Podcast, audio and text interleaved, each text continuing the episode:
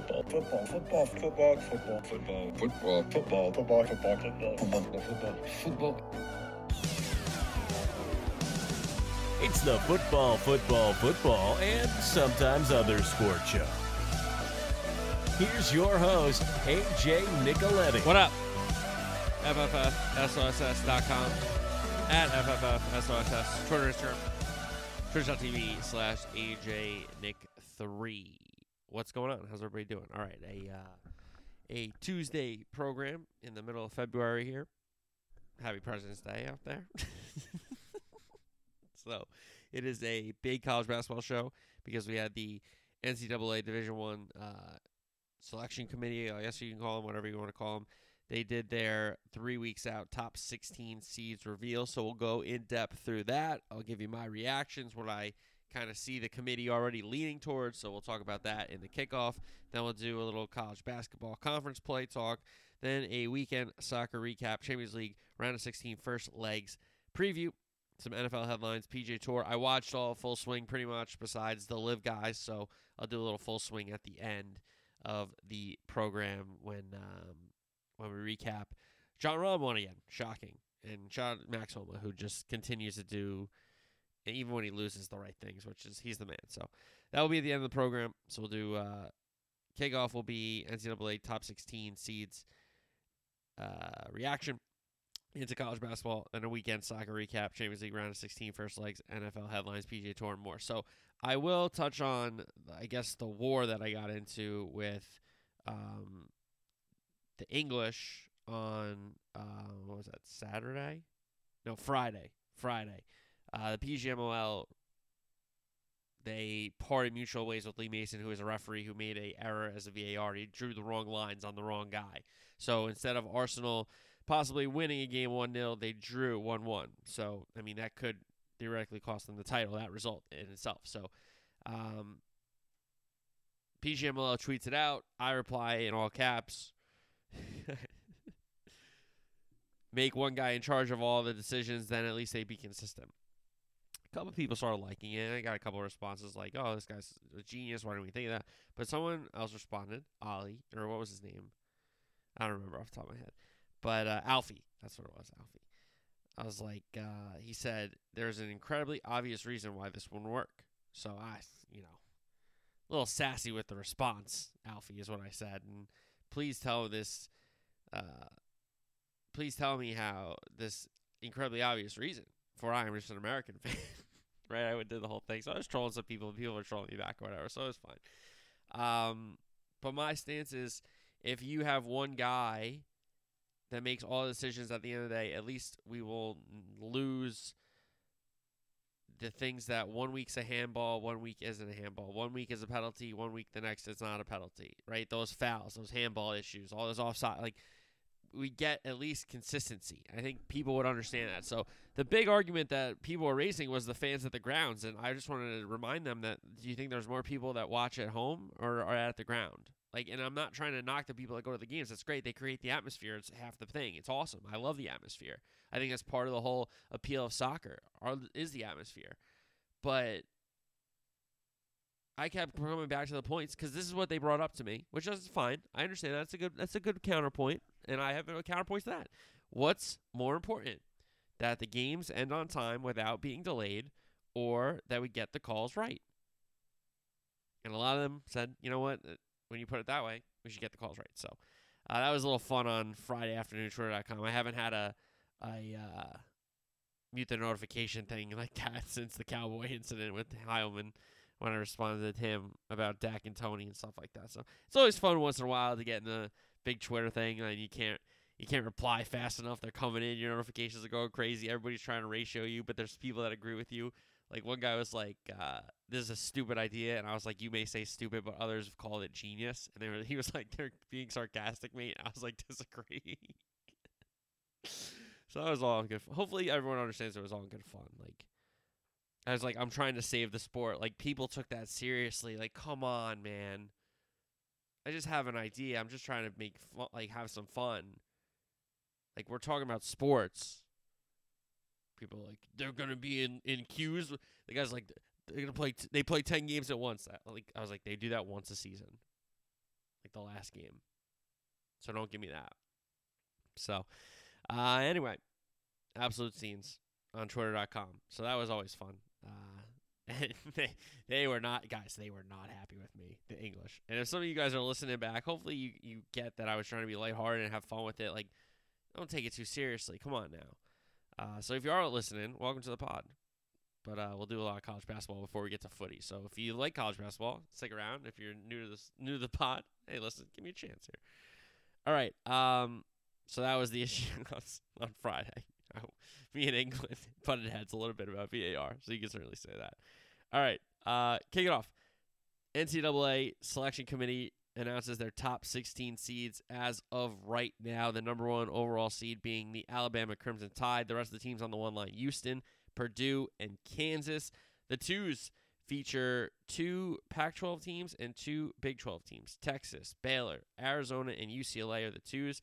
On the three line, Tennessee, Virginia, Iowa State, and Kansas State. So another pair of Big 12 teams. And then on the four line, Indiana, Marquette, Gonzaga, and Xavier. So they did throw the Big East, I guess, somewhat of a bone with two teams there. But as it shakes out, you look at the South regional, it would have been Bama, Baylor, UVA, and Indiana, one through four in that Louisville region. How about uh, the teams that would be penciled into Kansas City in the Midwest? Houston, Texas, Tennessee, and Xavier. How that would shake out one through four. Then the West in Vegas, Kansas, Arizona, Kansas State, Gonzaga. So Arizona would be the benefit uh, beneficiary of going out west. Um, not UCLA, not Gonzaga, them. But Gonzaga does go out there as a four seed, so that's fine, I guess. Kansas State and Kansas in the same region would be insane. Imagine if they got to a, a regional semifinal. Oh my god, that would be crazy. That would be crazy. And then at MSG in the East, Purdue the one, UCLA the two, Iowa State and Marquette the three and four. So that's how it would shake out uh, as of today, uh, as they put it on Saturday, I guess you could say. So here's the quote from Chris Reynolds, who is the vice president for intercollegiate athletics at Bradley University, and he is the, also the chair of the D1 men's basketball committee. Quote, It's been an incredible season thus far for the league, with high quality wins for several of the conference's teams, and that reflected in unveiling. Uh, while we evaluate teams as independents, there's no getting around to the fact that Big 12 is having a great years. So he's talking about the Big 12. They have five teams, and we'll get to that in a second. And another quote here from Reynolds is a fun process that gets people talking about March Madness, which is right around the corner, but a lot can change. We literally have hundreds of games left in the regular season. The only thing that's guaranteed is that it's going to be a fun tournament because that's the case every year. So those 16 teams did not include UConn, Creighton, Miami, and St. Mary's, who were teams that uh, the committee did mention as kind of honorable mentions, I guess you could say, uh, in their press release and what they've kind of come up with. So the four teams, I guess, last four out technically in this top 16 UConn, Creighton, Miami, St. Mary's, no order there. So Bama is the number one overall, and they've been. I told you that they've been killing teams out of conference. They've been killing teams in conference. They've lost a couple, so it's not like they are unbeaten or anything like that. And again, this is a season where maybe next week or the week after I'll do um, who I think can win the tournament because that's going to be a big segment because there's a lot of teams that can win the tournament. And I think I think Jimmy Dykes said it on Saturday. He in the Kentucky Tennessee game, I'm pretty sure he was doing. He's basically like, we got a lot of twos and threes this year. I don't think we got a lot of ones. Which some years you have like six ones, like you do have that, or five ones. Sometimes you have one one. You know, so um, Bama, the overall number one seed right now. Interesting how they drop in the top 25, uh, and Houston takes the number one spot for the third time this season. But in this committee's ranking right now, it's Bama as the number one overall seed. Again, the committee loves the Big 12. You heard the quote that I read. Five teams out of this top 16 are from the Big 12, including Kansas on the one line and Texas and Baylor on the two line, and Iowa State, Kansas State on the three line. So those are the five teams from the Big 12.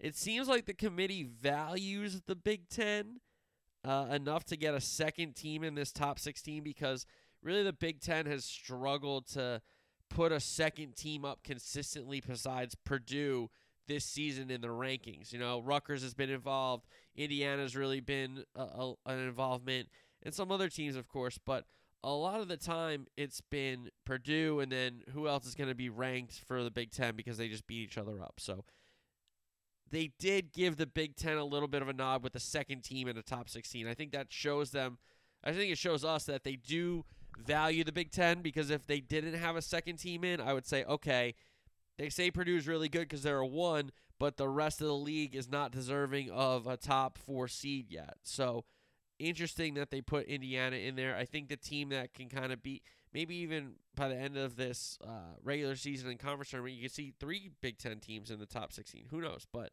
uh, they don't devalue the Big Ten because that second team is in the top 16. That's a big point. And then I don't think the committee really loves the Big East and relatively Gonzaga and St. Mary's, to be fair. A lot of people had St. Mary's in their own ranking reveal before this was done by the committee. A lot of people had St. Mary's on the three line. Some people even had, um, let alone the four line. So for them to kind of get snubbed here, a lot of people concerned about UConn and Creighton because the fact that both Marquette and Xavier are on the four line, I think is concerning because that tells you that they don't think the Big East is as good as it was last year or as good as it was uh, consistently. Because and honestly, I think a lot of that has to do with Seton Hall and Nova not having the best years because we've kind of seen those two programs, like specifically Nova, carry the torch for this league uh, consistently in these rankings, uh, top 25 and in these top 16 seeds and all this kind of stuff. So I think maybe the Big East is because uh, those you know core teams like a Nova, like a Seton Hall, aren't leading the way it's different because it's Marquette and it's Xavier. And UConn went away for a while, but UConn's a Big East team. We know that. But um, Marquette and Xavier on the four line here. Those are the highest two Big East teams. So those are some of my reactions here. Bama, the number one overall, I think is important to see because they could have just put Houston there and been like, hey, they played a uh, pretty good out of conference. They don't play in the worst league. It is competitive. There are teams that can beat them and give them games, and they're just very dominant. So you got to give them credit for that instead of knocking them for that. Um, but they do go with Bama. I think that's kind of interesting. The fact that they are giving the Big 12 significant love, I think, is something that you should take note of because that could lead us to believe that they could get eight teams in, maybe out of the 10 that they have, right? uh, because they got five in the in the top 16. Big Ten, you're gonna have a lot of five through ten seeds in the Big Ten, five and eleven, like five through eleven seeds. You're just gonna have that because of how they value those records. And then the Big East, I would be concerned if I'm a UConn, if I'm a Creighton, because now I'm gonna be a five seed at like max. Like if I'm not in it, like yeah, it's great that you mentioned us, but I mean, I would have loved to have been considered now because now we got to play our way into this top 16 instead of play our way out of this top 16. Right? A lot of teams are talking about the bubble of playing yourself off the bubble and into the tournament, win some more significant road games, make sure you win your home games, have a little run in your conference tournament. That's how you play your way off the bubble and into the tournament. You could also play your way off the bubble by losing a bunch of games. So I think with UConn, with a Creighton, of course with a St. Mary's even, and give credit to Miami, who's had a good season in a down ACC. That's why they're kind of getting knocked. But you got to play your way into the top 16. And I think it's possible for a UConn, for a Creighton, for a Miami, for a St. Mary's because, again, with five teams in the Big 12 in this top 16, they're going to play each other down the stretch here, so they're going to have a couple more losses, right? Somebody's got to lose the game. Uh, but I think it's it's of note to look at the seeding. It's of note to look at the conference breakdown and kind of get a peek at what this committee's thinking. I, I do appreciate this thing that they've done here with revealing the top 16 because every year the committee's a little different and every year the committee values something different. It's it's very similar of course to the college football playoff rankings being revealed. I think that's great too because again, you see what the committee's thinking, you see what precedents they're setting. So um, I do really enjoy that they do this top 16 reveal. So um, those are my impressions from that. So a college basketball end of the week weekend into this week. Maryland scored a huge upset over Purdue. I think Purdue has like what eight losses in the last two years and seven court storms or something like that. Seven losses and six court storms. So that's just ridiculous. Uh, Arizona blew out Utah, and Utah was hanging, but Arizona just put the gas to the pet, uh, the pedals to the gas. They did a great job in that uh, game too. uh, create the distance. Tommy Lloyd's club. Illinois and Indiana. Indiana pulls it out. That's a big win at home, uh, especially after coming off the heels of being in this top 16. If they would just lose, that would have been bad. Rutgers ends a drought in Wisconsin, a close one, and a really good win, especially after McConnell got hurt in warmups. I'm pretty sure. So Rutgers pulls out a close one point win at the Kohl Center. Kentucky beats Tennessee. They had a great first half, a horrific second half, but since they had the big first half, that was enough to sustain the lead, even with Tennessee playing a much better second half and getting back into the game. They never got it within what four, five, six, right? So uh, they were working it close, but they could not get enough. So that was a really big win for Kentucky. And again, I I don't like Rick Barnes' teams. I don't think tennis like Zeigler's not a bad guard, but he can't be your starting point guard. Vescovi is okay. I just like I just don't like Tennessee teams and I don't like Rick Barnes teams, so it just matches up well there. Uh, Iowa State, Kansas State, Kansas State a big second half comeback in that one. TCU blew out Oklahoma State. What they win, it's 100 to 75, and even though they give up 75, they scored 100, so that's pretty insane. Baylor and Kansas, Kansas pulls away in the second half of that top 10 showdown, so that was a big one at uh, the Phog. Utah had a tough weekend in Arizona because Arizona State had a big second half to pull away from them again. Uh, and Iowa Northwestern, Northwestern, big, big, big in Evanston. Credit Northwestern. Collins has to be your coach of the year. I know Pikiell does a really good job at Rutgers. I know you could probably give it a Matt Painter every year. You could probably give it a Tom Izzo every year if you really thought about it. Um, even Kevin Willard's come into the league and done pretty well, so give him credit. But I think it's got to be Collins. He has this Northwestern team primed for a top end seed. Like he's not going to be, they're not going to be top 16, but they should probably be a five or a six seed at, at like minimum. So we'll see how, what happens with them. Uh, as I record, Kansas and TCU have not tipped off yet, so maybe we'll talk about that on Thursday's show. We got Baylor and K State, another big one in the Big 12 on Tuesday. Tennessee and A&M, A&M ranked and in College Station taking on Tennessee. Tennessee coming off that loss against Kentucky where they did not start the game well at all. Then we got Marquette Creighton, a huge matchup in the Big East again. Creighton could just say, "Hey, we just beat Marquette, so we should just take their spot in the top 16, right? If you if you have us just out and we beat the team that's just in, we should take their spot, right? Especially in conference. So I'm sure Creighton will be making that argument in Omaha if they get it done against Marquette.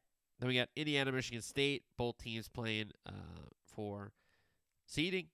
Providence and UConn, a gigantic game in the Big East.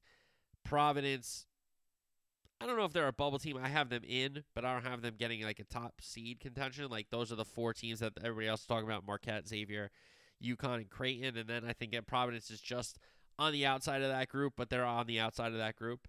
Uh, just because Cooley's done such a great job with a bunch of new players, but they have so many new players, it's difficult. So as the season goes on, they're getting better, and it's clear. So uh, he just does a great job. And UConn, you know how lo- how much I love Hurley and, and that UConn team. And shout out my guy Tom Moore, who's a legend who came on the old show M and A. That was great speed, uh, great spot from him. So uh, another big week in conference ball. I I think college basketball at this time, like a lot of people are checking in finally from NFL season. If they're done, they're trying to figure out who's good, who's not. Um, but there are some really really big games. There's a lot of significant games, and um, as we get closer and closer to March now, we get conference tournaments coming up, and that's where you really uh, solidify your spot, guarantee your spot, or uh, possibly lose the spot.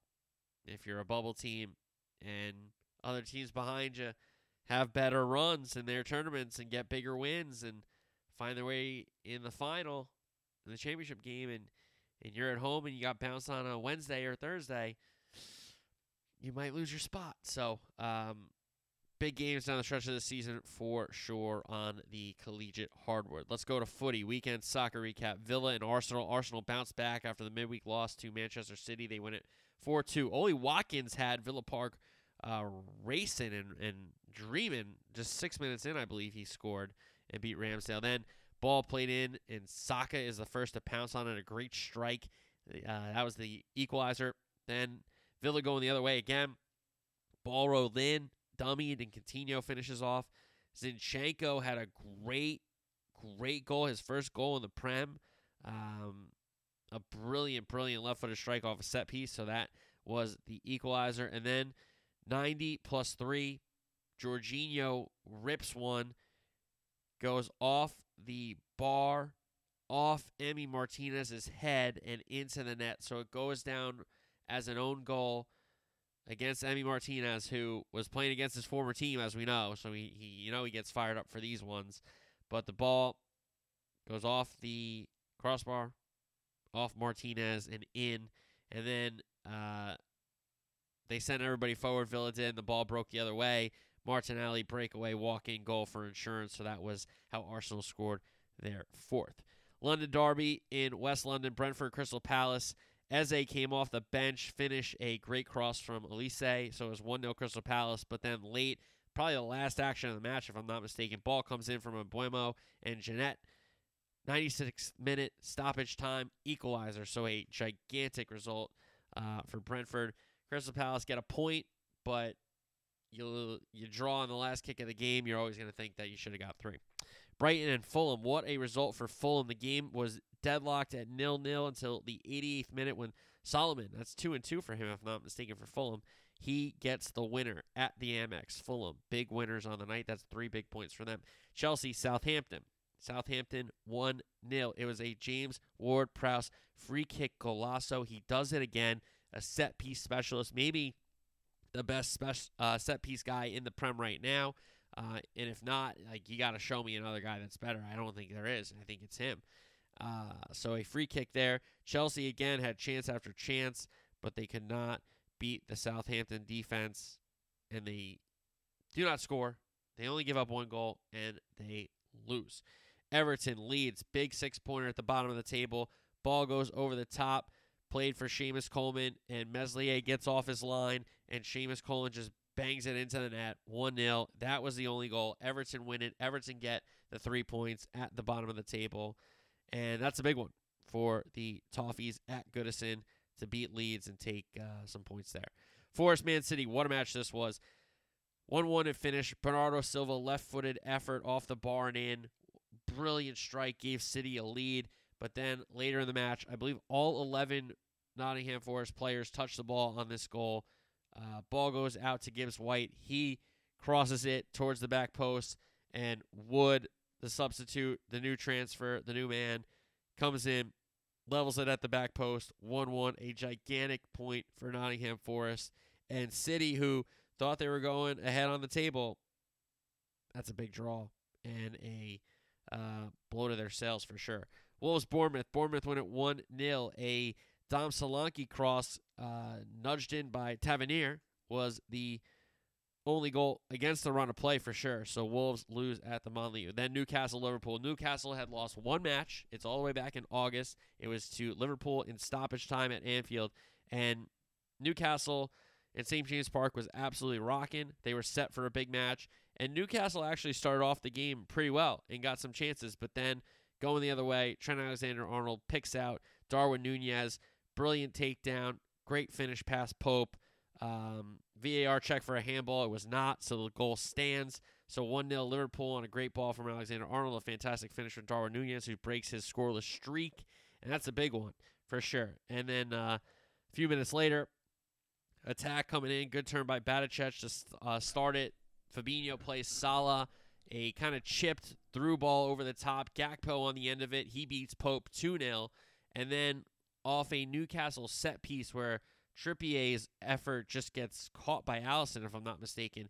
He spots Mo Salah running. He sends it down the pitch, and Mo kind of controls it, but Pope goes to head it instead of clearing it, and he misses it, and then he grabs the ball, and he's way out of his area. So that is a straight red card for Nick Pope, and unfortunately for him, now he cannot play the Carabao Cup final this weekend against Manchester United.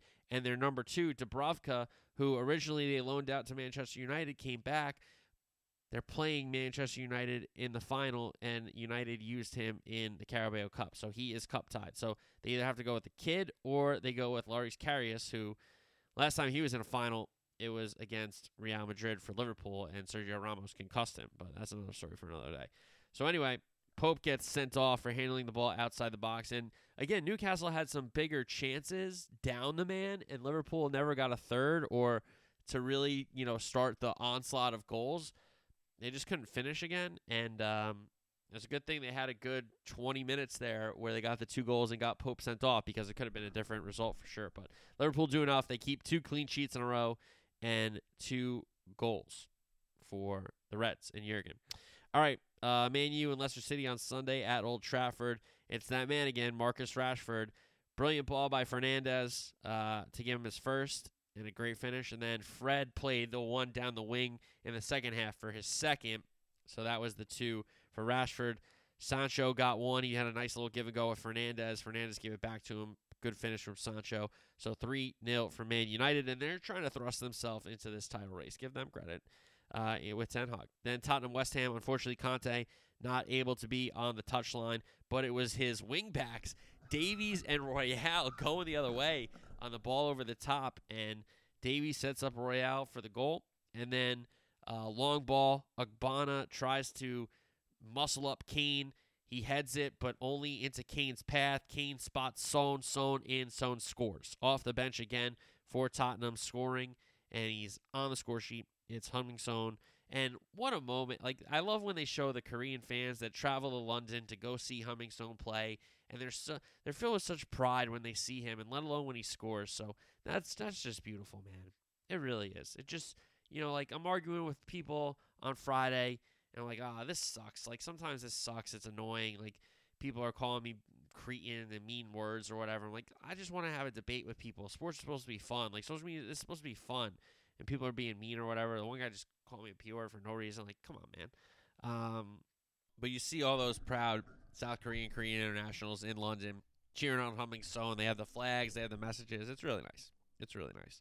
Uh, so Tottenham winning 2 0. La Liga. Real Madrid beat Osasuna, Valverde, and Asensio on the uh, score sheet, so 2 0. Atletico beat Athletic. It was a Griezmann goal, 1 0. Barca beat Cadiz 2 0. Roberto, uh, Sergio Roberto and Robert Lewandowski, the two goal scorers for Barcelona. Serie A, Sassuolo and Napoli. Napoli win at 2 0. Kvaratskhelia and Osimhen, the goal scorers for the Neapolitans. Monza and Milan. Milan win at 1 0. It was Messias, the goal for Milan. Inter and Udinese. Inter win at 3 1. Lukaku from the spot. Mkhitaryan and Lautaro Martinez, the goal scorers for Inter. Atalanta loses to Lecce 2 1. Lazio beats Salernitana Calcio 2 0 as an Immobile a brace. Second one was a spot kick. Juve beat Spezia Calcio 2 0. Moise Kean and Di Maria, brilliant left footed strike for his goal. And Roma beat Hellas Verona. So big result there for Mourinho 1 0. Bundesliga is tight, folks. Gladbach beat Munich. Big result here. Gladbach beat him 3 2. Upamecano got sent off very early in this match. Stindl scored for Gladbach to open it up. It was an equalizer for Choupo-Moting, so it looked like Bayern were at least going to be in the match. But then Hofmann gave Gladbach a 2 1 lead. Thuram made it 3 1. Tel got a goal late for Munich, but it was only consolation. So it's 3 2. Gladbach win it. Uh, Red Bull Leipzig beat Wolfsburg 3 0. Union Berlin and Schalke draw nil nil, so that's a bad result for Union Berlin. Schalke's at the bottom of the table. And Dortmund beat Hertha Berlin 4 1. Adeyemi, Malen, Reus, Brandt, four different goal scorers for Dortmund, and that's a big result for them. Ligue 1, PSG, Lille. Uh, PSG went a 4 3. Mbappe, Neymar, Mbappe. They were up 3 1, if I'm not mistaken, and it got tied.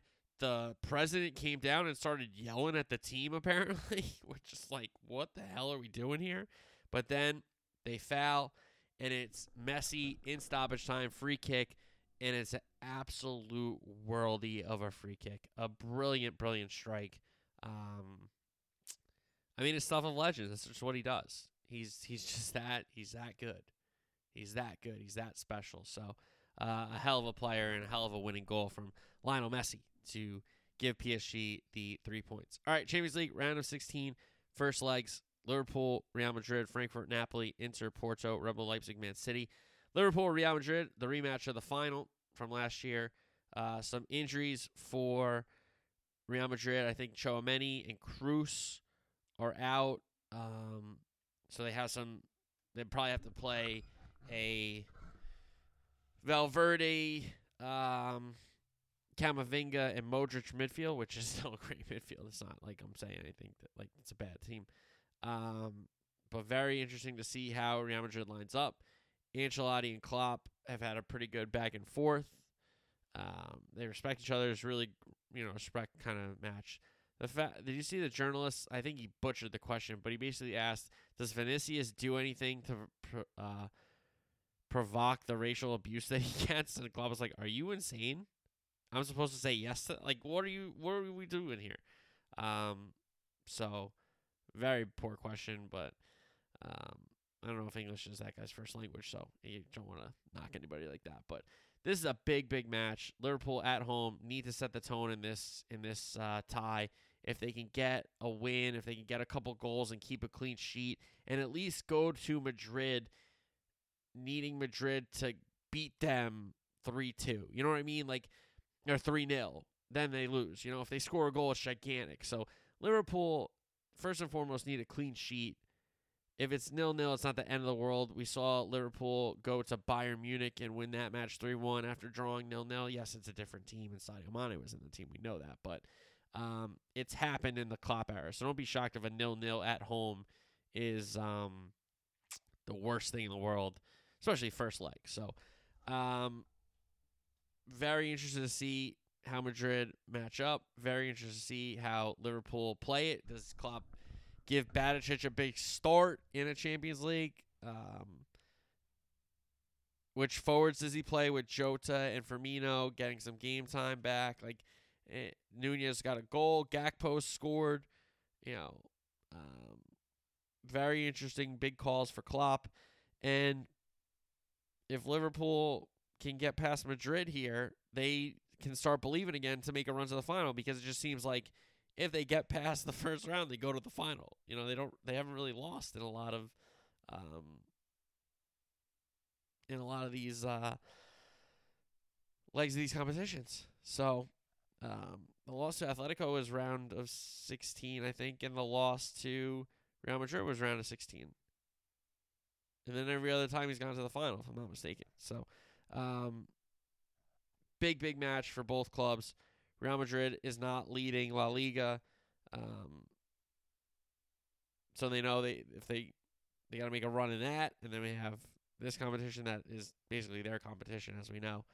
And Liverpool are going to need to make a big run in the Prem and need a big run in Champions League. That's for sure. Frankfurt Napoli is a really interesting matchup because Frankfurt, um, in European competition, have shown the ability to go to big clubs and fight. They went to the Camp Nou. They turned it into Germany, it seemed. So that was a scene, and now they got to have a big result against Napoli. They got to have a big result against Napoli, and I'm interested to see um, because Napoli. A lot of people are saying they play in Serie A, but they're not playing like an Italian team. So what that means is they're not like they're not just fouling. They're not just, you know, grinding it out. They're trying to score. They're trying to move the ball. They're trying to, you know, do that kind of stuff. So I, it's just interesting to see how this is going to be matched up. I'm excited to watch this these ties for sure. And then you have Inter Porto. Porto have been, you know, Portuguese teams do well. You know, a lot of, you find them in a quarterfinal most of the time. Sometimes even in a semifinal uh, depending on how it lines up. So Inter at the San Siro will have to have a big result um, because we know going away they haven't had the best results recently in this competition. Red Bull Leipzig, Man City. These two teams have seen each other a few times in this tournament. Uh, that's for sure. And a guy who, for Red Bull Leipzig, did really well in their midfield was Sabitzer, and now he's not there. He's a Man U. So I think Leipzig have a ton of attacking players. We know that, but midfield is an issue, and the way Pep is playing this three at the back and the box four and then three attackers, like it's a very, very innovative formation, and it's very difficult to defend. Um, and you're just kind of at the mercy of your goalkeeper making saves and your ability to knock down passes in in the area, right? Um, so City on the road in Germany Leipzig's going to need some goals and a clean sheet if they're expected to go to the Etihad and get out of this. Um, I don't think nil nil is a great result for them. You know, even though they're not out of the tie then, but obviously you can't lose the game. But I think you got to win the game if you're Red Bull Leipzig. Now, City can afford nil nil or a draw if they get a goal because they know they're going back to the Etihad. And even though it's not the best environment, you know, they don't have the best fans, but you got a good team, and at home, you should believe you can win it. So, uh, those are the four matchups for uh, the next wave of first legs in the round of 16 Champions League. Uh, Liverpool, Real Madrid, Frankfurt, Napoli, Inter Porto, Red Bull Leipzig, and Man City. Let's do some NFL headlines. The Commanders are going to hire Eric Bieniemy as their offensive coordinator, so he leaves Kansas City. He gets out of the Andy Reid umbrella, and you know, while I think it's good for Bieniemy possibly to step away from Kansas City to call the shots and call the plays and set the tone for the offense, I don't know if I was Washington, I would do this because if he does well with our offense, he's just going to go be a head coach next year. So you're just going to have to start over with your offense again. Like, I understand uh, you want to upgrade, but this is like a really interesting move, I think, because – you know, yeah, Bieniemy, go ahead, go run run the show somewhere, and then next year you could be like, yo, I, I ran the show here, we did improve, like I can be a head coach, like please give me a chance.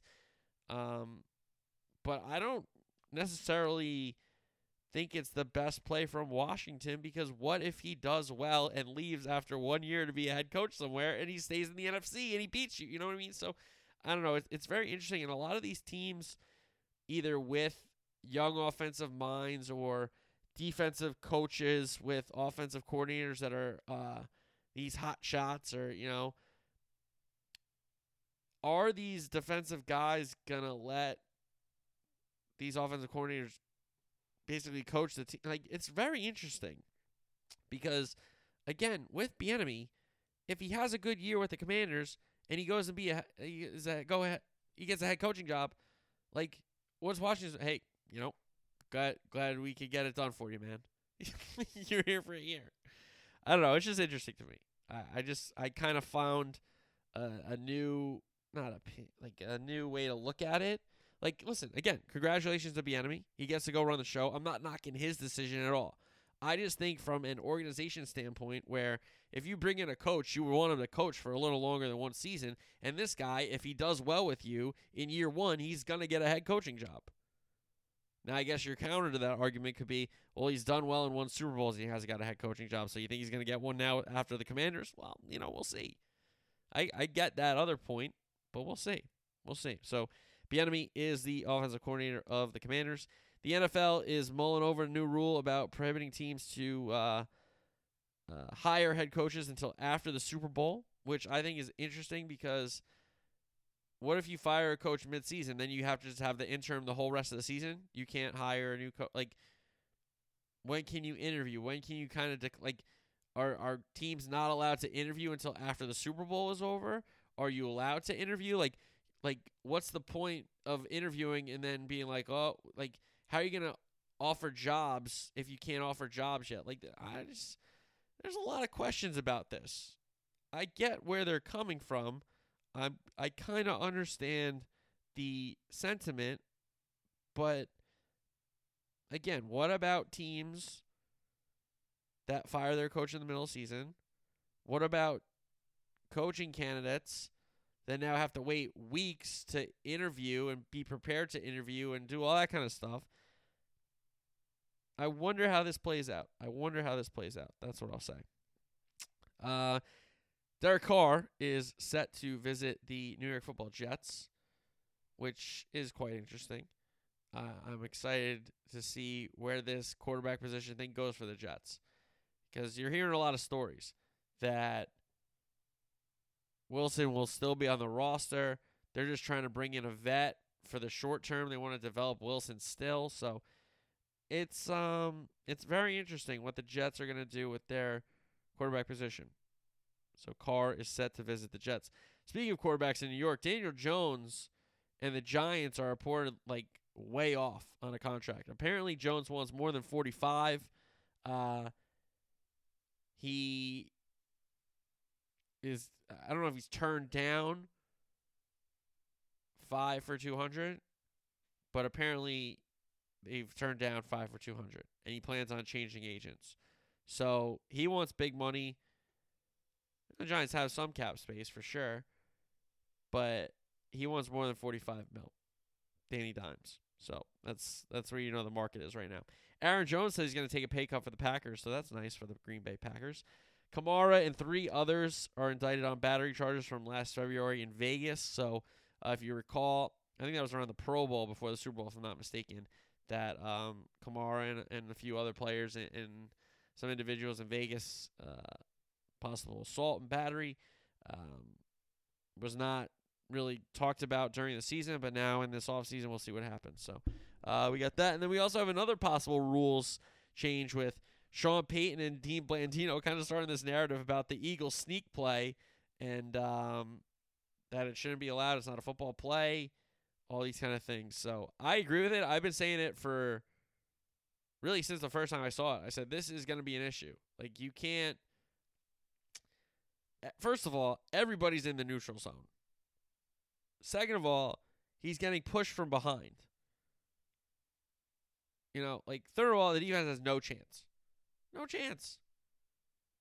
So I, I just especially when they're at home and they like you can snap it whenever. I don't know.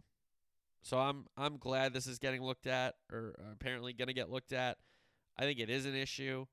Um, and it's not just because it's the Eagles. If it was the Chiefs, I'd be saying the same thing. Like honestly, like if they did the ring around the rosy huddle 19 times a game, we'd be like, yo, okay, you got to stop. Well, the fact they did it once, it's fun, right? The Eagles do this sneak play on every third and one, every fourth and one in the history of their season, basically. Except when they did like the trap toss play out of it. So Sean Payton's like, I'm going to run it every play unless you outlaw it. He's right. It's a rugby play, it's not a football play. It has very little elements of football. Very little elements. So, Blandino and Sean Payton started that narrative about possibly getting the uh, sneak play repealed. Golf World. Rahm wins the Genesis Invitational at Riviera. I mean, this guy's inevitable. Uh, no one laying up is calling him the buoy because he's just always there. He's always floating. Um, he just makes bomb putts. He hits the ball pretty far. He's a kind of electric personality. He has calmed down the anger and frustration, which is good. Um, but he wins this week, so give him a bunch of credit. That's another win for him so far this season. He's been outstanding um, in this uh, early season. He's a great player. And Homa finishes second. He nearly holed it out. His chip shot for the tie on 18, the 72nd round would have had to make birdie to win if he had holed it out. It just kind of Came in a little hot and lipped out. Rolled out to about, what, four or five feet uh, for Homa. So would have been tough. I mean, I, in the presser, he's great afterwards. His tweet is great afterwards. I mean, he's just the guy that gets it, understands that, you know, it is a livelihood, it is a big deal, but at the end of the day, it's a sport and it's more about life and all that kind of stuff. Like, he, he says some really, really cool things, you know, like getting emotional, being like, I tried, man, you know, all that kind of stuff. Like, are you more disappointed in the finish or more proud of the fight? You know, like he said yes to that. Like that's funny in the moment. He has that kind of uh, humor and stuff like that. So that's the story with Homa. Tiger Woods makes the cut, plays all four rounds. Uh, he hit some great shots. He didn't really have a, uh, the best putting, um, and if he didn't start the fade at the right spot, he was in the rough uh, a lot of the time uh, on that right side rough at Riv because he was hitting the fade off the tee. He didn't really have to hit the draw that much. So good to see him out there. Plays all four rounds, makes the cut on the number.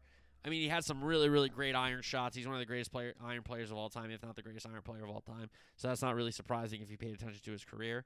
But the fact that he played, the fact that he played all four rounds after making the cut, that's a big deal, and it's a step in the right direction because again, a lot of people thought this guy was dead or he wouldn't have his leg.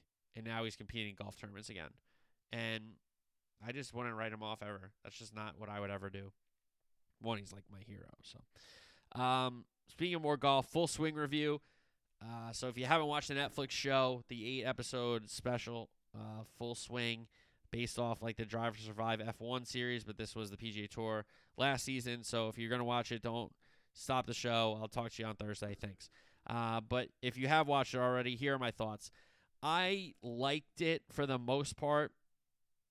Maybe that was because I fast forwarded through a lot of the LIV stuff. You know, the Brooks, the the whole Poulter episode, I pretty much fast forwarded because I was like, I'm not doing this. I'm not doing Ian Poulter. Um, the Mito one, I kind of fast forwarded. No offense to Sahith. I thought Sahith's a cool story. Um, I liked it for the most part. I thought it was going to be more chronological and linear storytelling, like through the whole season. They kind of went with like a profile kind of um, production, and they featured guys in episodes, which I thought was interesting. But I thought we were like, I mean, if you're a golf fan, you know the calendar. So like the fact that they showed the PGA in the first episode with Justin, like I get it that they're doing Jordan and Justin. They're showing their two wins on the on the year, respective like the one win each respectively. Like I get what they were doing, but then to really show the PGA three more times or at least two between the Fitzpatrick stuff and the Mito one, like I know what happened. Like not that I know what happened. I knew what happened already, but why why didn't we just do chronologically and have like big double episodes for the majors? I don't know. Maybe that's just me, but um, I did like it. I, I want to stress that I did like it. Uh, Joel Dahmen is the man. His story is so awesome um, and fascinating, and you know, like that coping mechanism his defense of just being like, I'm not that good. You know, like Max Homa had a great line. He's like many nights uh, of drinking with Joel and trying to convince him that he's a great player. Like that's kind of what he has to do. It's very that was very funny. I thought Ricky and Max were good in their in their spots. I wish they had kind of episodes, but um, Max did win last year. Ricky didn't, but if Max had an episode, that'd be sick. But I mean, the Jordan and JT one was really good. I thought the Fitzpatrick one was really cool. Um, how about Danny Rapp being best friends with him? I didn't know that. Shout out Danny Rapp who was really good. Um, Amanda was always great as well. She's fantastic. Um, and the Rory one was great. Rory's the man. The Finau Morikawa kind of compare and contrast was interesting. I love Morikawa. The fact that he can say that to an Adidas, like, that's not my style, that's your style. Like, that takes some balls. And that's pretty cool to, to see that from him because, like, it's a sponsorship deal. They're paying you a bunch of money, but like they could just be like, "Yeah, we need you to wear this." Like, and you'd be like, "Nah, I'm not gonna do that." so, I, I think it was really, really fascinating. I thought it was really cool. Hopefully, year two they kind of like can do it chronologically and linear instead of kind of bouncing around. Which, again, I get what they were doing here. They're introducing a lot of guys to see if this works. I think it does work. Um, and instead of just doing specific guys for specific shows, you kind of bounce around. Like, um, even the Rory one was like, I was like, when are they going to show Rory? And I was like, oh, he wins the tour championship. It's probably the last one. And I, I skipped a bunch of like the Poulter stuff. I skipped the the Brooks stuff. I skipped the DJ stuff. I skipped the Mito stuff. I skipped. I mean, I skipped a bunch of it because I just I just don't want to hear about LIV. I just don't want to hear about it. I just don't want to hear about it. I don't want to watch Ian Poulter be on his jet complaining about money. That's not what I want to do. That's just not what I want to do. So, hey, each their own, I guess. But uh, I I enjoyed it. I did enjoy it. And speaking of like reviewing shows, Mando's coming back, so get ready for that in March. By the way, so all right, that was a little full swing review on a uh, not not the longest show on a Tuesday. I get that, but we're we're NFL's done and we're doing college basketball and soccer. So what do you want from me? All right. So I will uh, talk to you guys on Thursday. Hopefully, everybody enjoyed a nice long weekend, and we shift the focus to college basketball and footy.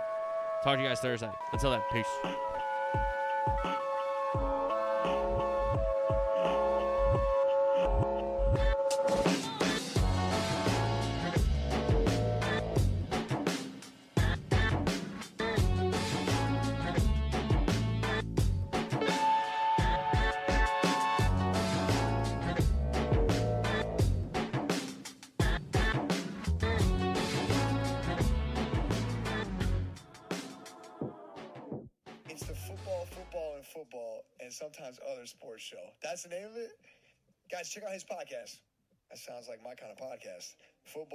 Football, football, and sometimes other sports show.